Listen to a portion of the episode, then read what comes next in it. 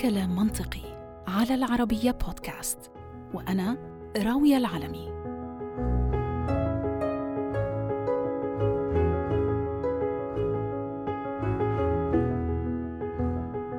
الموعد ليلة في منتصف الأسبوع الماضي. ما في شي جديد سوى حوار بين ابني وأبوه اللي وجدت نفسي لا إراديا بسترق السمع لإله.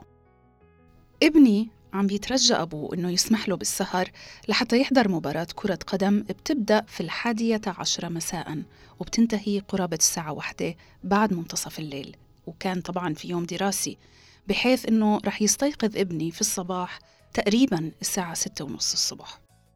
بصراحة تعجبت من كمية الرجاء والجهد اللي وضعها ابني لحتى يحضر هاي المباراة واللي فهمته لاحقا بأنها مباراة واحدة من أصل عشرات المباريات لفريقه في الموسم الواحد وبدأت أسأل نفسي يا ترى شو سر هوس الذكور عامة بكرة القدم؟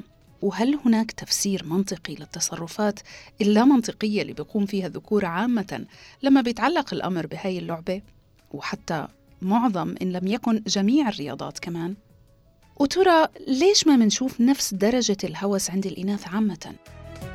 كعادتي طبعا بدأت أبحث عن كل ما يمكن أن يقع بين يدي لعلي أفهم ماهية هذا التعلق اللي يبدو لي أنه أقرب ما يكون للمرض مع أنه هو مش مرض ولكن السؤال هو لماذا تطال هاي العدوى الذكور أكثر بكثير من الإناث؟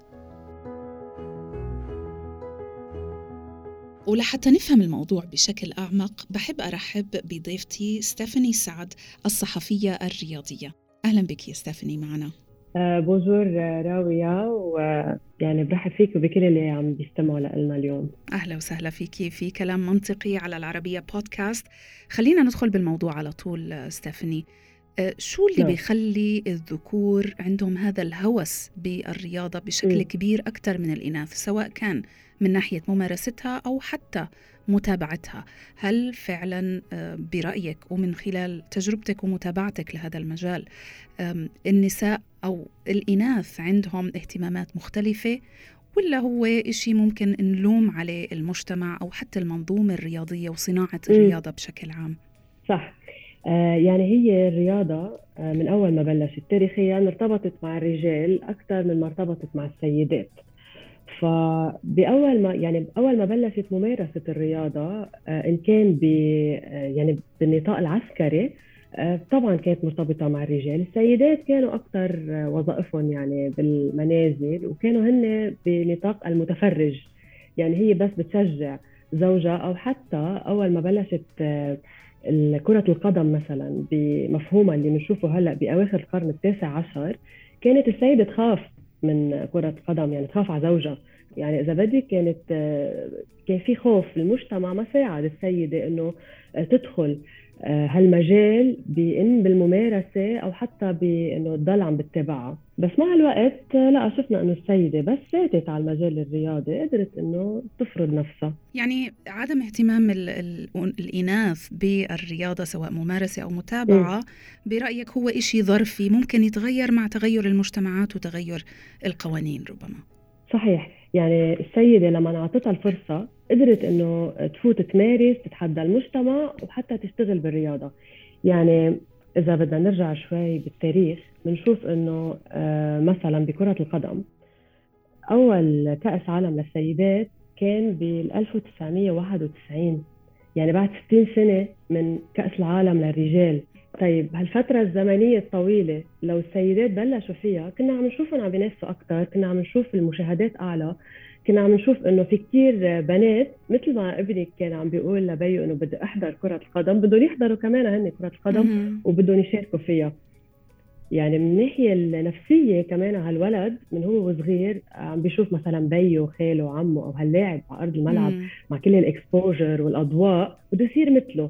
بينما البنت يمكن عم بتشوف أمها أو عم بتشوف آه، السيدات بغير مطارح. فما بس بلشنا نكسر هالصورة النمطية.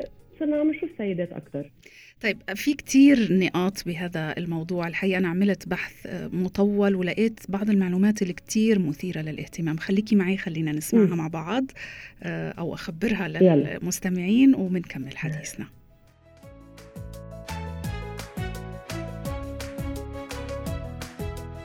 خلال بحثي وجدت بعض المعلومات المثيرة للاهتمام. بحسب مجلة التايم وفي مقال نشر عام 2016 فإنه في عام 1970 عندما راجت فكرة المساواة بين الجنسين طفت فكرة إنك لو أعطيت مجموعة من الأولاد ألعاب مثل العرائس وأعطيت مجموعة من البنات ألعاب مثل كرة القدم فرح تلاحظ إنه كلا المجموعتين رح ينغمس باللعبة وما رح يشكي أي منهم.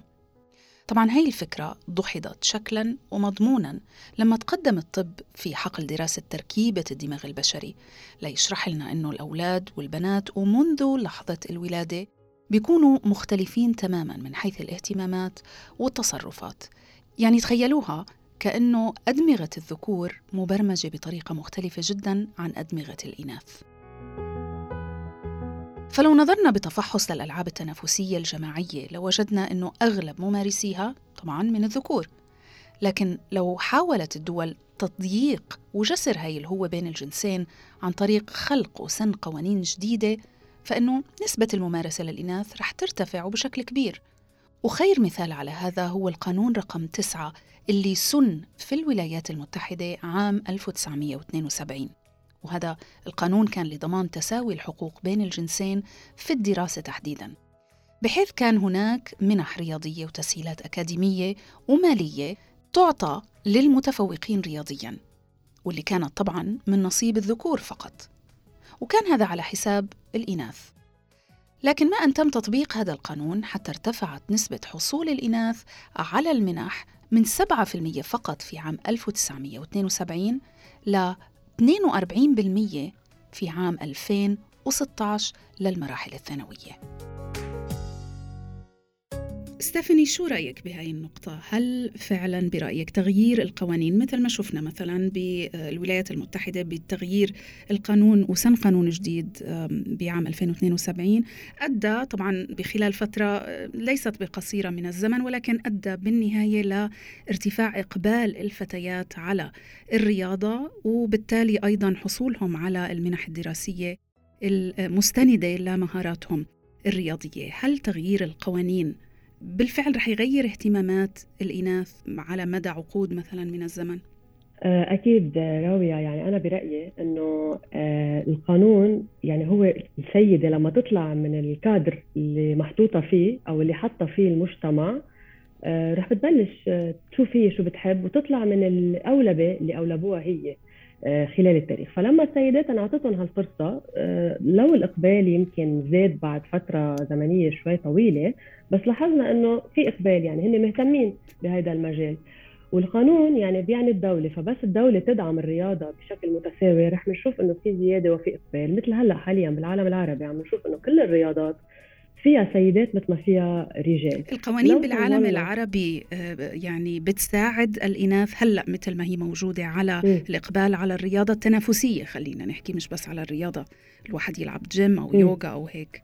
نحن عم نشوف بالعالم العربي إنه مش بس عم بيكون في آه، سيدات بالألعاب الفردية إنما أيضا بالألعاب الجماعية آه، بالأولمبيكس. عم نشوفهم بالمونديال يعني طبعا عم بيلعبوا عم بيحاولوا يلعبوا تصفيات ولا مرة وصلوا.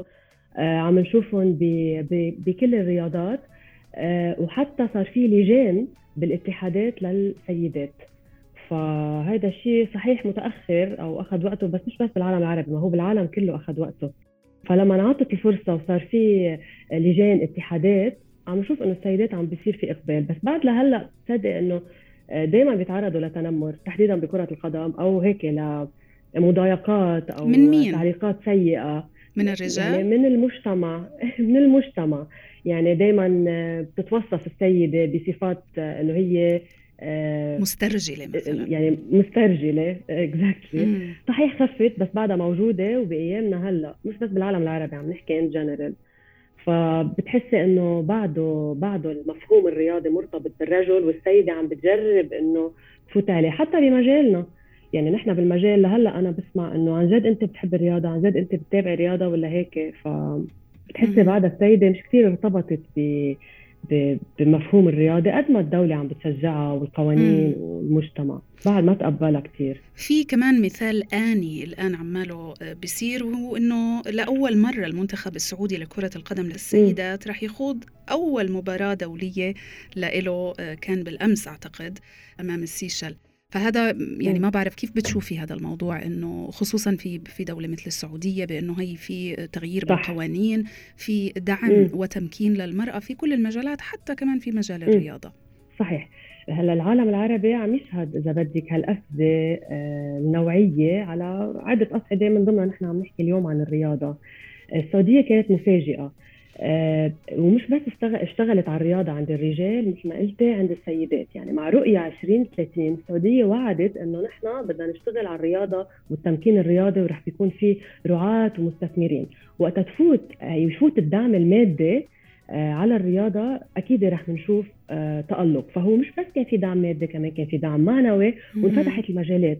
ووعدت السعوديه بال 2019 إنه نحن حاطين براسنا المونديال. يعني إحنا صحيح فايتين برياضة نسوية وكمان فايتين كمان يعني حاطين براسنا أمل كثير آه، كبير للمنتخبات. وبلشنا نشوف يعني عم بينافسوا دوليا وعم بيحققوا نتائج.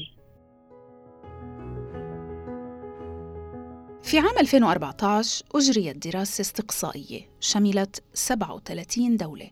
لوحظ من خلالها أنه في كل دولة تقريباً الرجال أكثر قرباً من ممارسة رياضة ما أكثر من النساء. بعض الاستثناءات ظهرت في عدد قليل جدا من الدول لكن ما أن عدل السؤال الأساسي لهذه الدراسة ليصبح ما مدى اهتمامك بممارسة رياضة تنافسية مثل كرة القدم أو السلة مثلا مقارنة برياضة غير تنافسية كالجري؟ فالنتائج أظهرت أن أرقام الرجال فاقت النساء بما يقرب من أربعة أضعاف. أربعة أضعاف تخيلوا. فسر الباحثين بوقتها الأسباب الغير مرتبطة بالتطور إلنا كجنس بشري يعني evolutionary reasons بتفسير بسيط. وهو أنه عدد ربات البيوت من الإناث طبعا يفوق بكثير عدد الرجال. وعليه فإنه الوقت الشخصي المتوفر محدود جدا مقارنة للنساء طبعا مقارنة بالرجال نظرا لطبيعة وظيفة الأم المتطلبة وكمية العبء الملقى على كاهلها فجميعنا بنعرف إنه هاي وظيفة ما بتنتهي وغير مرتبطة بأوقات محددة. لكن في نفس الوقت ظهرت أبحاث أخرى بتقترح إنه بعد التمحيص فإنه كلا الجنسين بيملكوا تقريبا نفس كمية الوقت الشخصي. لكن بينما يتجه الرجال للألعاب التنافسية فإنه النساء بتفضل ممارسة رياضات أخرى غير تنافسية مثل اليوغا أو البيلاتيز أو تمارين اللياقة. يمكن السبب هو قلة الألعاب التنافسية المنظمة للنساء مقارنة بالرجال حتى في وقتنا الحالي. حتى أنه نسبة المتابعين للرياضات التنافسية حاليا هي أكيد أعلى للرجال منها للنساء. وخير مثال على ذلك هو كرة القدم النسائية. ففي ألمانيا مثلا وهي دولة متقدمة عن كثير من الدول في هاي اللعبة لكن لا يزال نسبة متابعينها متابعين هاي الرياضة من الرجال يفوق النساء بمتوسط نسبة 61% طيب ستيفاني هاي النقطة اللي هلأ كنا عم نحكي عنها نقطة متابعة الرياضة. يعني جزء كبير من آه، ليش تحولت الرياضة لهال الزخم ولهالصناعة الهائلة اللي بتدخل فيها ملايين الدولارات؟ هي لأنه هي رياضة شعبوية فبالتالي في ناس كتير بيتابعوها وبعطوها هذا الزخم. طبعا نحكي عن الرياضة بشكل عام والرياضة الذكورية خلينا نقول بشكل خاص. بالنسبة للرياضة النسوية المعلومة مم. اللي عنا آه، من خلال بحثي بتقول أنه يعني 61% من الجمهور اللي بتابع الرياضة النسوية هم من الذكور وليسوا من الإناث. معنى ذلك أنه المتابعين النساء أو الإناث هم نخبويين فمتابعة الرياضة النسوية مش عم بتكون شعبوية زي آه، الرياضة الذكورية. ليش هيك؟ صحيح يعني صح. هي بتحسي من لما يعني بلشنا نتابع بالرياضة من قبل وبلش يصير في اودينس بلش يصير في مش بس بالملعب يعني كان على شاشات التلفزة وتغطية إعلامية. أساسا كانت الرياضة بلشت مثل ما قلنا مع الرجال. فالرجال من وقتها ما بلشوا بال entertainment بيروحوا تيحضروا ال event بيكونوا رجال بيجتمعوا رجال. تعوا حتى نتسلى كمان بدهم يمارسوا شي رياضة كمان بيكونوا مجموعة رجال. سبقونا سبقوا السيدات وبقي هالمفهوم متصل فيهم. هلأ ساعة لما نشوف مثلا إذا بدنا نحكي عن المونديال إذا هلأ بقول لك أي متى المونديال إذا عم نحكي من بعد نعرف إنه السنة في مونديال 2022 إذا بنسأل هلأ حدا مارق إنه أي متى مونديال السيدات؟ تسأل مين؟ آه مونديال السيدات. آه بالضبط بالضبط. ما هذا هذه هي الفكرة. 23 ما حدا بيعرف. أنا نفسي ما بعرف. أو من 2023 هو. فإنه حتى السيدات آه، يلي عم بيحضروا هن أو عم بيشجعوهم هن رجال. بس أنا برأيي إنه هلأ مثلا بأوروبا لما صار في تغطية إعلامية أكثر وحتى هي المنظومة الاتحادات الأوروبية عم تشتغل على الكرة أكثر مثلا عم بعطي example هلأ كرة القدم. عم نشوف انديه كثير كبيرة آه عم بتكون للسيدات يعني مثل ميلان ويوفنتوس مش من زمان بلشوا. فهون اهتمام السيدات أو البنات من هن وصغار رح يكبر برأيي. رح نصير شوف أنا كمان هيك بدي أكون. ممكن يصير في attention أكثر من عند السيدات. يعني نحن اهتماماتنا ارتبطت بأشياء غير الرياضة من زمان. أحكي أنا أصحابي هلأ إنه تعالوا نعمل جمعة آه، أصحاب البنات نروح نحضر game basket أو football ما كثير بلاقي أهمية. يعني يمكن من خمسه إلا إذا فريق منتخب بلادهم عماله بيلعب هذا شيء ثاني بس ما بتلاقي إيه، مثلا نساء مهووسين ب خلينا إيه. نقول برشلونة أو آه، ريال مدريد صحيح. أو أرسنال أو أي شيء يعني عم يسهروا للساعة واحدة مثلا أو 12 حتى يحضروا المباريات ما ما بعتقد إنه في كثير سيدات بينما آه، إذا كان في منتخب أكيد بتحسي فيه الانتماء آه، مثل هلأ البطولة العربية اللي استضافتها دبي. يعني شفنا الملاعب سيدات ورجال لكل المنتخبات. أصلا بتحسي إنه كورونا حسستنا بالقيمة. يعني المشاهدة على الرياضة زادت بشكل عام. يعني وقتها الكورونا لعبت المباريات بلا الجمهور شفنا حسينا بالقيمة. فبس رجعت رجع الجمهور على الاستاديوم شفنا إنه في سيدات وفي أولاد وفي كبار. يعني بتحس الإقبال بلش يزيد. بس نعم. دائما الرجال أكثر بالرياضة. أكيد. طيب أنت ذكرتي أكيد لهلأ بس إن شاء الله لبعدين بيختلف هذا الموضوع. ذكرتي نقطة كثير مهمة رح أرجع لها اللي هي نقطة التغطية الإعلامية للرياضات النسائية. رح أرجع لها. بس قبل هيك خلينا نكمل النص ومنتابع الحديث. بيفسر بعض الباحثين السبب وراء شعبية الرياضات التنافسية بين الرجال دون النساء بظاهرة تسمى بالإنجليزية لك. هي على فكرة ظاهرة بتوجد عادة بين الطيور لكنها كذلك بتشمل بعض أنواع الحشرات والثدييات أيضا. اللك هي عبارة عن حلقة بيقوم فيها ذكور الطيور وبيبدأوا باستعراض ريشهم وألوانهم وأحجامهم ولايقتهم العامة. وحتى في بعض الأحيان القليلة بيقوموا بزي تمثيلية تمثيلية القتال دون قتال فعلي. والله مضحكين. أو بنقدر نقول نصابين هدول الذكور أحيانا حتى في مملكة الطيور. عموما بينما هاي التمثيلية بتجري بتراقب فصيلتهم هذا الاستعراض. يعني طيور أخرى بتراقب هاي الحلقة وما يدور فيها. بالنسبة لإناث الطيور الغرض من المراقبة يمكن واضح. وهو تحديد الذكر الأقوى جينياً والأكثر قدرة على المنافسة للحصول على الغذاء وأيضاً الأقدر على الحماية من الأخطار الخارجية. بينما ذكور الطيور كانوا بيشاهدوا هذا الاستعراض لغرضين. أولهم تقييم المنافسين ومقارنتهم بذاتهم وكذلك تحديد من منهم الأصلح للتحالفات. يعني مصلحة برضو. على كل حال خلينا نرجع لموضوعنا. الرياضة التنافسية بما تشمله من عدو وركل وضرب المنافسين هي تشبه لحد كبير الحرب من حيث العمل الجماعي والقدرة على فهم وتطبيق الخطط والاستراتيجيات للفوز على الخصم. والطبيعة التنافسية للذكور هي من أهم عوامل انجذابهم لإلها. على عكس نفسية الإناث واللي بتحوي نسبة عدوانية أقل بكتير. وجنوح لا إرادي لإيجاد حلول للمشكلات ما بتتضمن اللجوء للعنف.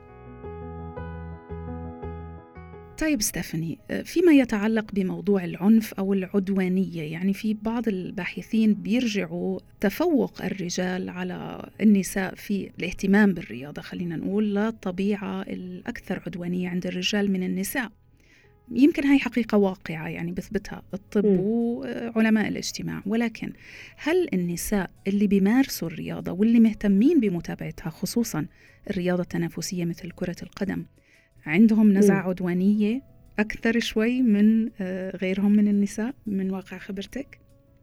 يعني أنا بخلال تعرفي على سيدات بالمجتمع الرياضي بمختلف الرياضات إن كان الفردية أم الجماعية أم حتى القتالية بالام ام اي وغيرها لا يعني هن ما عندهم هالعدوانية إنه منهم شرسين منهم بس للأسف يعني مش كثير كمان آه، بيتمرنوا قد اللي بيكونوا مثلهم بالرجال. يعني بتحسي إنه هي بتكون مثلا طالبة عندها جامعتها وعم تتمرن أو هي بتشتغل مش احتراف يعني. ما في احتراف عند النساء لسه.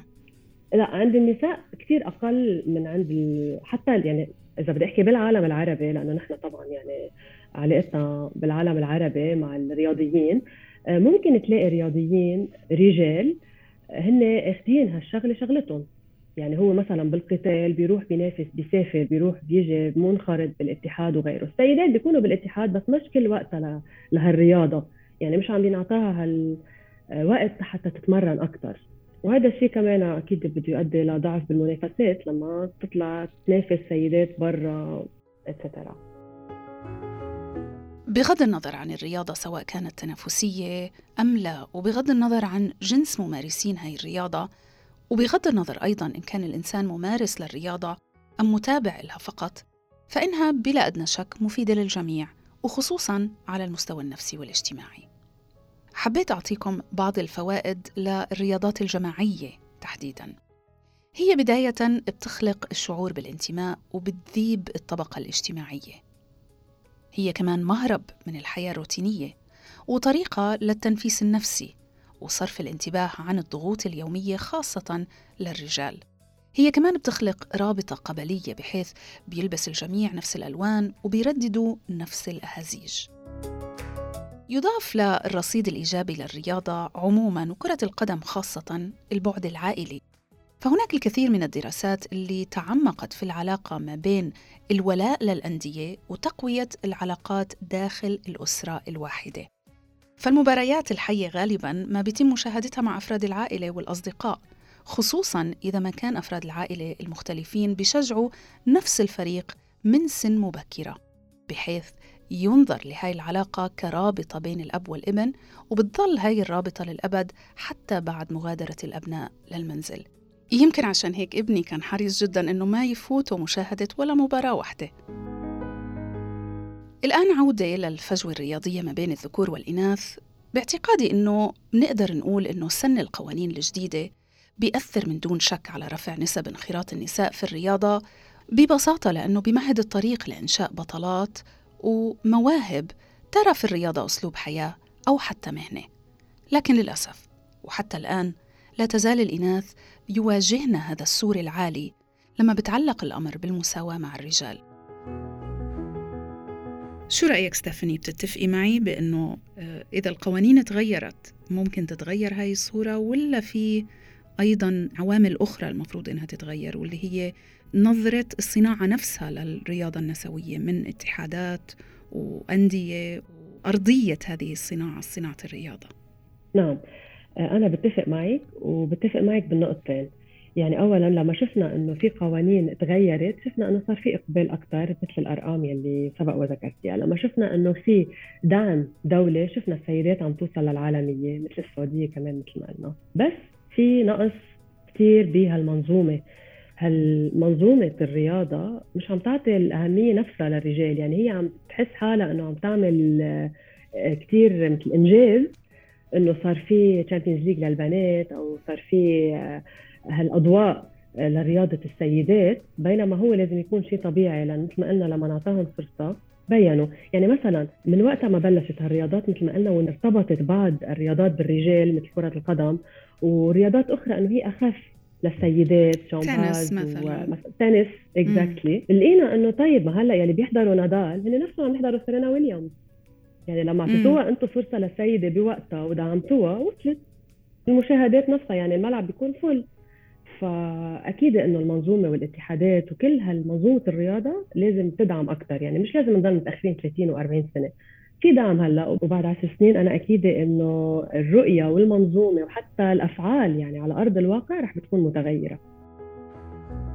كذلك فإنه للإعلام دور كبير هون عن طريق زيادة التغطيه للالعاب النسائية وبطلاتها.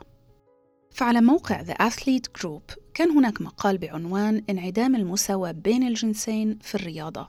هذا المقال نشر في عام 2021 وبشير إلى أن الرياضات النسائية بالكاد بتحصل على تغطية. نحكي عن التغطية الإعلامية طبعا مقارنة بالرجالية. وبضيف المقال أنه مجلة Sports Illustrated الرياضية الشهيرة مثلا قامت بدراسة للتغطية الإعلامية للرياضات فوجدت أنه نسبة تغطية الرياضات النسوية تقدر ب 5.7% من مجموع تغطية قناة ESPN الأشهر في أمريكا مثلا. والمحزن أنه 80% من البرامج والأخبار على هاي القناة واللي تم دراستها وتحليلها شكلت نسبة تغطية الرياضات النسوية فيها صفر. يعني مش بس إنها لا تحظى بتغطية كافية بل إنها لا تذكر نهائياً. طيب هاي أرقام محزنة. يعني لما يكون 80% من البرامج والأخبار الرياضية على القنوات المتخصصة 80% منها ما بتجيب سيرة أصلا الرياضات النسوية. ليش هيك؟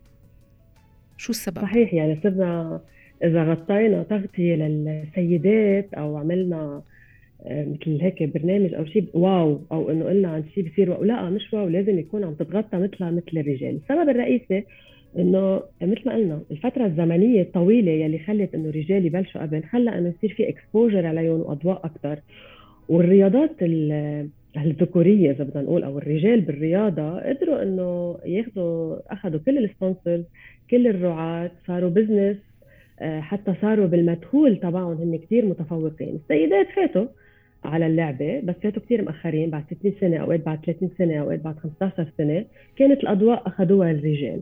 وحتى إذا في راعي أو sponsor بده يفوت عند السيدات صار بيحسب ألف حساب. أنا هون برأيي إنه الاتحادات والأندية آه، لازم تشتغل أكثر وبالفعل بلشت مثل ما قلنا بأوروبا. يعني أنا ساعة اللي بكون sponsor. آه، بشوف إنه برشلونة عندها كرة قدم للسيدات قوية كثير وربحت ال Ballon d'Or. أكيد رح فوت أكثر آه، كراعي. وبس يصير في رعاة ومستثمرين أكيد رح بيصير في يمكن audience أكثر يمكن تغطية إعلامية أكثر وكمان هيك حابة أقول شغلة إنه في بعض البلدان يلي طولوا تيفوتوا بكرة القدم للرجال مثل الصين واليابان بسبب بعض الصراعات يعني. فاتوا ثاقبت بنفس الفترة مع السيدات. طيب السيدات سبقوهم بكثير ربحوا مونديال وهلا أه. اليابان والصين ما بي ما بيتأهلوا يعني. ليش؟ لأنه ثاقبت الفترة الزمنية انطلقوا فيها نفسها. في أمل يعني. فاكيد في أمل. أنا بتوقع إنه بالسنوات المقبلة إذا ضلت هيك هالأندية الأوروبية عم بتصدر أندية كبيرة وأضواء كبيرة مثلا Ballon d'Or آه، صار في Ballon d'Or للسيدات. أكيد رح يصير في attention أكثر من الإعلام ومن الرعاة والمستثمرين وغيره. راوية أنا بدي أشكرك على الاستضافة الحلوة. إنه حكينا آه، عن موضوع صراحة هو مهم ولازم برأيي إنه الصوت يوصل أكثر والتغطية تكون أكثر للرياضة النسائية. تحديدا إنه السيدات وين ما عم بيكونوا موجودين عم يقدروا يشكلوا علامة فارقة بكل الرياضات الفردية والجماعية على الصعيد العربي وعلى الصعيد العالمي. فبنتمنى أنه نشوف السيدات أكثر بالمجال الرياضي يعني بكل مكوناته. إن شاء الله. شكرا كثير لك ستيفاني. في ختام حلقتنا. للوصول لمستوى صحي ومقبول ومن باب معادلة كفتي الميزان فإنه من الضروري إعطاء الإناث حصة مساوية للذكور خصوصا في إدارات أو اتحادات اللعب المختلفة. وذلك لأنه ثبت بالفعل أنه الاتحادات ذات الإدارات المختلطة حققت نجاح أكبر بكثير من الاتحادات الذكورية. ضيفوا لذلك أنه ومن باب المساعدة أيضا بدفع الرياضات النسوية للأمام لابد للإعلام من تسليط الضوء على الألعاب النسوية والاعتراف بمهارات اللاعبات والتركيز على مواهبهم مش على شكلهم الخارجي أو على قصص حياتهم. وكذلك فعلى المجتمعات أنه تغير نظرتها للمرأة كرياضية. لنفتح المجال أمام ناشئاتنا للنظر للرياضة من منظور آخر. هذا كلام منطقي على العربية بودكاست. أنا راويه العلمي أشكركم ودمتم دائما بأمان بإذن الله.